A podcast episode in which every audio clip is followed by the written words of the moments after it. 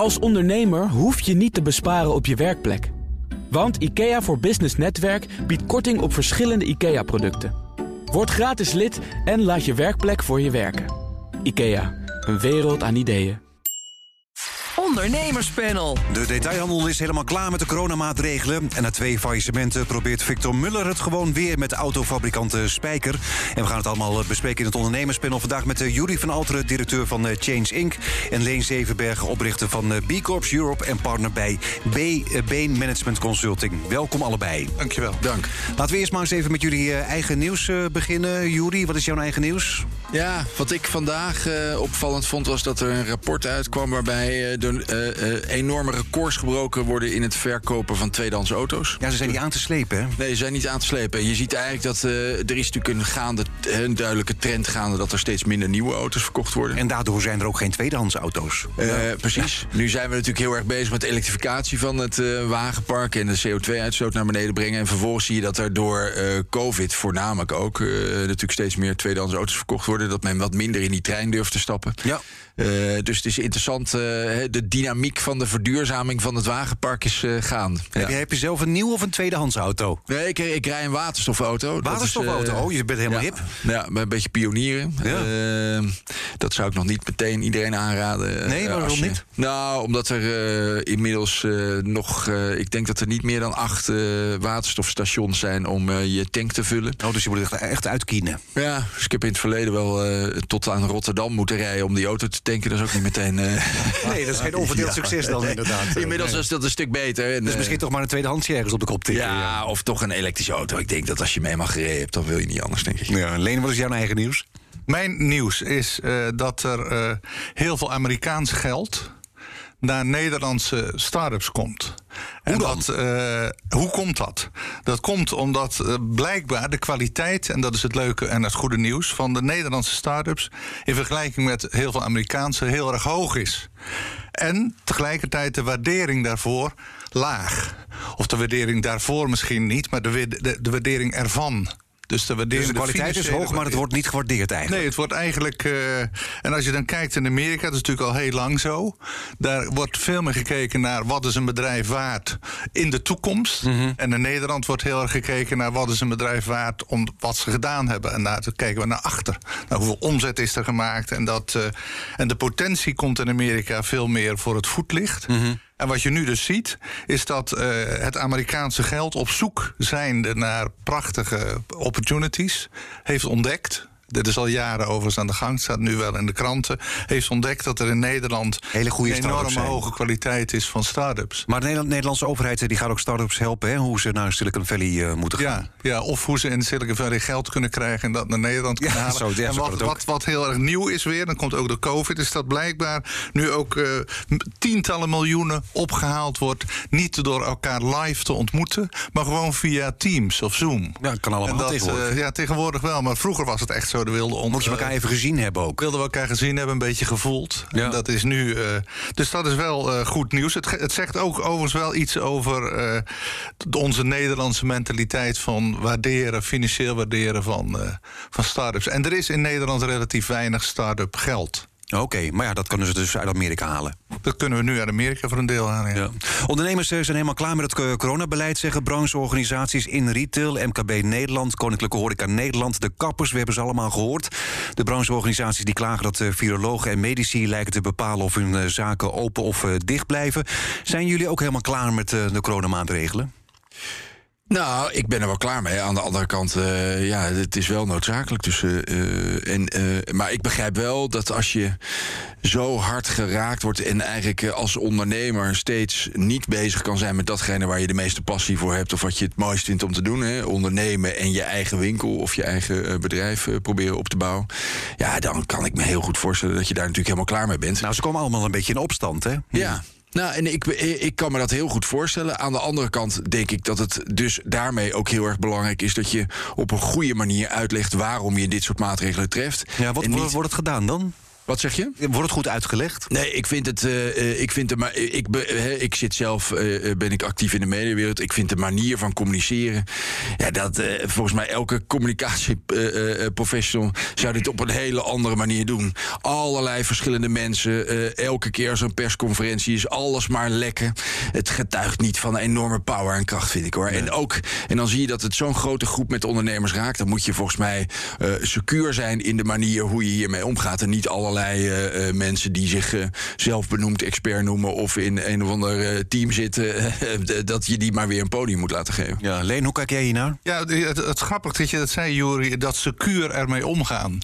Dat is wat mij het meeste opvalt. Ik denk namelijk dat als er is een scala aan ondernemers. Je hebt ondernemers die hebben nergens last van. Je hebt ondernemers die vinden het wel prima zo. Mhm. Nou ja, je, je hebt hebt- ondernemers die hebben er een beetje last van. En je hebt ondernemers die eh failliet gaan of al Er zijn hele grote verschillen inderdaad. Ja. en, maar die, dat komt, ook dat komt weinig tot uiting. Zowel in de berichtgeving komt het nauwelijks tot uiting dat er verschillende zijn. Want het staat, ondernemers zijn er helemaal klaar mee. Nou, Nou ja, oh, kijk, eh, dit, dit is voornamelijk de horeca, de kappers. precies. En, eh, nou, dan zou ik zeggen, de horeca is er de detailhandel klaar ook natuurlijk ook. te beginnen ja, zeggen. de detailhandel. Ja, maar aan de andere kant is er ook, als je kijkt naar de steun. Want ook daar zie je nu dat het ook, ook heel onzorgvuldig over. En over gecommuniceerd wordt, wat Jury zegt, niet namelijk. En onzorgvuldig behandeld wordt, omdat er heel veel bedrijven zijn die gebruik maken van die steun. Maar er geen recht op hebben eigenlijk, moreel. En dan kan je wel zeggen, ja, juridisch. Hè, de PwC is daarmee bezig geweest. Die zeggen, ja, moreel niet, maar juridisch wel. Nou ja, die steun is natuurlijk een eh, verhaal, verhaal apart. Ik bedoel, iedereen kan aanspraak maken op de NOW... om eh, je personeel te laten doorbetalen. eh, Tegemoetkoming in de vaste lasten. Als je 20 of 30 procent omzetverlies hebt. En ook al heb je niet nodig, je kunt het gewoon aanvragen. Ja, nou ja, goed. En dat, maar ook, eh, ik vind de onzorgvuldigheid en de ad hockerigheid eigenlijk van. Jawel, maar wat, hoe had het anders gemoeten dan? Want deze Nou, regelingen... inmiddels na anderhalf jaar. We zijn, Nou ja, we zijn meer- bijna twee jaar verder nu. Ja. Inmiddels zou je toch zeggen, kan je wel iets gestructureerder erover. na- dat je vorig jaar in maart, april, mei heel snel iets deed. Mhm. En heel snel, dat, complimenten daarvoor. Maar de- inmiddels zijn we meer dan anderhalf jaar verder. En zou ik zeggen, kan er nou niet iets gestructureerder al zijn? Maar is het niet heel moeilijk om dit soort dingen op maat te gaan doen? Nou, ik denk, dat het, ik denk dat het na zoveel jaar helemaal niet een probleem is om het meer op maat te gaan doen. Ik denk ook dat het helemaal niet verkeerd is om juist de, eh, eh, de ondernemers die het zwaarst getroffen eh, worden, deze regelingen te geven en hem uit te sluiten voor anderen. Ik denk dat je beter kan uitleggen waarom het in andere landen in Europa andere maatregelen ge- getroffen worden dan in Nederland. Ik ben met oud en nieuw in Barcelona geweest.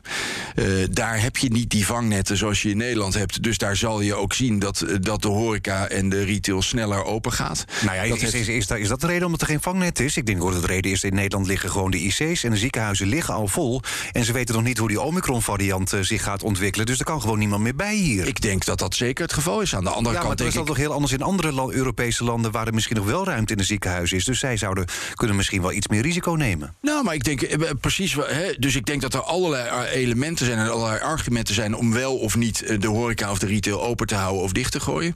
Dat is per land verschillend. Dat is afhankelijk van allerlei verschillende elementen. Ik denk dat het belangrijk is om goed te kijken welke, niet naar welke pleisters je kan plakken om steeds maar weer op korte termijn te reageren, maar te kijken hoe je kan anticiperen op de volgende, op de volgende stappen. Ja. En wat ik denk jij dat het heel dan- belangrijk is om goed en helder te communiceren en duidelijke keuzes te maken. Ja. Dat is natuurlijk een beetje van deze tijd ook, dat dat moeilijk Ja. is voor veel partijen. De, eigenlijk wat jij zegt, Jori, is het, het. Inmiddels is het het zorgvuldig communiceren. Het zorgvuldig hiermee omgaan kan wel inmiddels. En dat is ook wat, je, wat ik een beetje vind ontbreken bij het oude kabinet en het nieuwe kabinet, wat natuurlijk bijna hetzelfde is. Maar dat, eh, wat ik, waar ik ook wel nodige opmerkingen over heb, maar eh, die denken nauwelijks na of dus niet op de langere termijn, of het op meer structuur. Want je vroeg net van kan je dat dan, kan je dat dan individueel benaderen? Ja, dat kan. Ja. Ja, dat kan. Nou ja, want je hebt nu natuurlijk ook seizoensbedrijven. Als we nog even teruggaan naar de steun. Ja. Dan wordt er gekeken naar hoe ze, hoeveel ze dan vorig jaar hebben... Nee, twee jaar geleden hebben gedraaid per Precies. kwartaal. Dat is dan gemiddelde van het jaar. Ja. En als ze dan nu een eh, kwartaal niks hebben... dan kunnen ze aanspraak maken op steun. Maar normaal zouden ze nu misschien ook wel stil liggen. Ja. Ja, dus in die zin wordt er dan ook, eh, nou ja, tussen Ja. aanhalingstekens... ja, het mag, maar misbruik gemaakt van eh, deze regelingen natuurlijk. Dus je ziet, een, je ziet een regeling en je ziet een nieuwe regeling en weer een nieuwe regeling. En zoveel regelingen dat het onduidelijk geworden is welke regelingen er zijn. En dan zie je die uitvoering telkens maar weer schorten. En dat is, uh, ja, dat is natuurlijk op allerlei gebieden zo dat de uitvoering schort. Maar ook op dit gebied. Het kan wel. Ja. Maar het gebeurt niet zorgvuldig, vind ik. Nou ja, ondertussen zitten de, detailhandel uh, zit er wel mee. Jan Meerman uh, was hier uh, woensdag de gast. Hij zei het volgende. We kunnen gewoon open, hè? dat is het punt. Want het blijkt gewoon, in België loopt die consument, die Nederlandse consument, gewoon te winkelen. Zonder dat er besmettingen omhoog gaan. Ja, we zijn als Nederland gewoon een klein beetje achterlijke maatregelen aan het nemen. Achterlijke maatregelen in België kan het ook. Ja, nou ja, ik, kijk, deze meneer heeft natuurlijk een achterban die, uh, die dit ook duidelijk van hem vraagt. Hè. Dus uh, dat is één. Het tweede is, ik denk dat er mogelijkheden zijn om, uh, om secuurder om te gaan met dit soort uh, grote problemen binnen bepaalde uh, branches en bedrijfstakken. En ik denk dat het heel goed is om heel goed te kijken hoe je ervoor kan zorgen dat enerzijds de breedste schouders dekking leveren voor, de, voor al die problemen die er zijn bij binnen die bepaalde branche. En dat je goed kijkt hoe je die ondernemers tegemoet kan komen. En ik, ja. Ik, ik denk na twee jaar dat je wel in staat moet kunnen zijn om er, om er genuanceerder mee om te gaan dan op dit moment. Ja, maar dan vind ik het geen argument dat als hij zegt in België kan het ook. Nou ja, dat is dan maar de vraag of nou het in België kan. Ze zijn er wel open. Laat, maar wat er de effecten van zijn, weten we ook niet. Nou ja, laat ik het dan even voor, uh, voor, voor hun opnemen. Ik bedoel, al die winkeliers zitten natuurlijk wel te kijken. Er staan elke dag staan er files richting België. Iedereen gaat in België uh, uh, winkelen. En zij zijn dicht. Ja. Dat moet pijn doen, toch? Ja, dat doet natuurlijk verschrikkelijk veel pijn. Ja. Maar ik denk dat in ieder geval op het moment. Hè, wat je volgens mij dan in ieder geval moet doen, is dat je moet zorgen dat die, part, hè, die ondernemers die dicht moeten blijven, die moeten gewoon volledig gecompenseerd worden. Dat is één. Dan moet je zorgen dat degenen die misbruik maken van die regeling, dat die zo volledig mogelijk gestraft worden. Ja, maar de winkeliers zeggen juist van. aanvragen en meteen moeten terugbetalen. Maar de winkeliers die zeggen juist van wij kunnen open. En dat zegt de Koninklijke Horeca Nederland ook. Die zeggen van wij kunnen open. Jawel, maar dat we, kunnen het op zo, we kunnen het op zo'n manier doen. Ja, maar iedereen zegt wij is. kunnen open. Ja. Ook de kroegen zeggen wij kunnen open. De ja. kappers en, en, de, en de bedrijven. Ze zeggen allemaal dat ze veilig open kunnen. Ja. misschien is maar dat is toch een beetje het probleem van deze tijd. Dat, is dat iedereen alleen maar naar zichzelf kijkt. En vervolgens geconfronteerd wordt met de problemen waar we natuurlijk al een paar jaar in zitten. Ja, dus wat jullie betreft kunnen ze niet open. Maar moeten ze gewoon wel goed gecommuniceerd worden. En moeten inderdaad de misstanden moeten eruit gehaald worden. Dat het dus inderdaad op maat gemaakte regelingen worden. Ja, en, en wel, goed ver, wel goed vergoed, wat jij ook zei. Ja. Dat, uh, ik reed terug vanuit Schiphol. Waar, waar, ik rijd met een taxichauffeur terug. Die heeft in één dag twee ritjes gehad. Ja, zo'n vent is helemaal in paniek. Die heeft een gezin, die krijgt dat natuurlijk niet onderhouden. Dan begrijp ik ook wel dat je natuurlijk rare sprongen gaat maken... en denkt, ik ben er helemaal klaar mee, dit moet veranderen. Maar je kan niet maar met elkaar zeggen... ik denk alleen maar aan mezelf. Want daar wordt in ieder geval deze, deze maatschappij niet beter bij. Zo simpel is het. We zitten midden in het ondernemerspanel vandaag met uh, Jury van Alteren, directeur van uh, Change Inc. en Leen Zevenbergen, oprichter van B Corps Europe en partner bij Bain Management Consulting. De vrees dat uh, robots onze banen inpikken lijkt veranderd te zijn in een roep om meer robotisering. En dat komt door de grote tekorten aan personeel op de arbeidsmarkt, schrijft het FD. Ja, als we geen werk maken van verdere robotisering, dan dreigt onze welvaart door vergrijzing in een neerwaartse spiraal te belanden. Dat zegt VNO-NCW-voorzitter Ingrid Thijs. Ik zie, je lachen. Ja, het zijn heerlijke grote woorden. Maar eh, waar als je dat natuurlijk een paar jaar geleden ook enorme grote woorden gebruikt. Van Lodewijk Asscher in 2014 ja. bedoel je? Want, want toen was, was robotisering het groot gevaar. Ja, was enorm angstig. En nu is het uh, de redding voor de economie. Maar ik denk dat het dat enerzijds het heel belangrijk is dat je, dat je de technologie inzet daar waar je hem het beste kan inzetten. En daar hoort robotisering zeker bij. Dus ik sta daar volledig achter. Ja, jij Leen? Ja, nou ja, het is oud nieuws, denk ik dan. Het is een, uh, en vaak door mensen uitgesproken die er zo weinig mee hebben of zo weinig verstand van hebben, vind ik altijd. Het, is een, uh, het gevaar van nieuwe technologieën ligt veel meer in het hoe gebruik ik het dan of het er is. En, want het, het zal niet te stoppen zijn. Of er, en robots zijn niet alleen maar machientjes of armpjes die een schroefje erin draaien. Het is ook Het zit ook in de software, het zit overal in. Dus robots zijn het nabootsen van wat mensen doen. En dat, zal, dat is niet te stoppen. Maar waar we wel voor moeten waken, is niet of dat uh, de banen gaat afnemen. Want dat, uh, dat gevaar is veel minder groot dan men denkt. Maar of het goed, noemen het good AI en bad AI. Mm -hmm. Facebook gebruikt zijn technologieën vaak om bedenkelijke dingen mee te doen.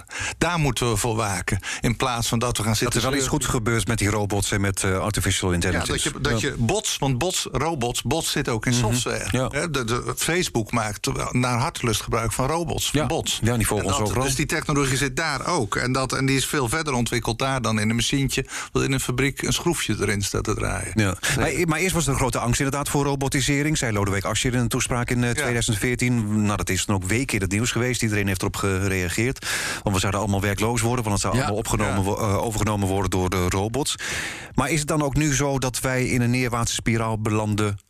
eh, door de vergrijzing als er geen robots zijn? Nee, dat denk ik niet. Ik denk in punt 1 zullen er altijd robots zijn. Dus dat hoeven we eigenlijk helemaal niet over te hebben. Want die komen er Die komen automatisch. toch vanzelf wel. Dat kunnen we niet er meer. Dat is niet stoppen. Nee, dat is niet tegen te houden. En ik denk ook niet dat, het, eh, dat als het er niet zou zijn... Ja, het is eigenlijk een onzinnige vraag. Want het, is, er is geen kwestie van dat het er misschien wel eens niet zou Nee, maar oké, oké, dan komt het er. Maar gaat het dan ook de menselijke arbeid verdringen?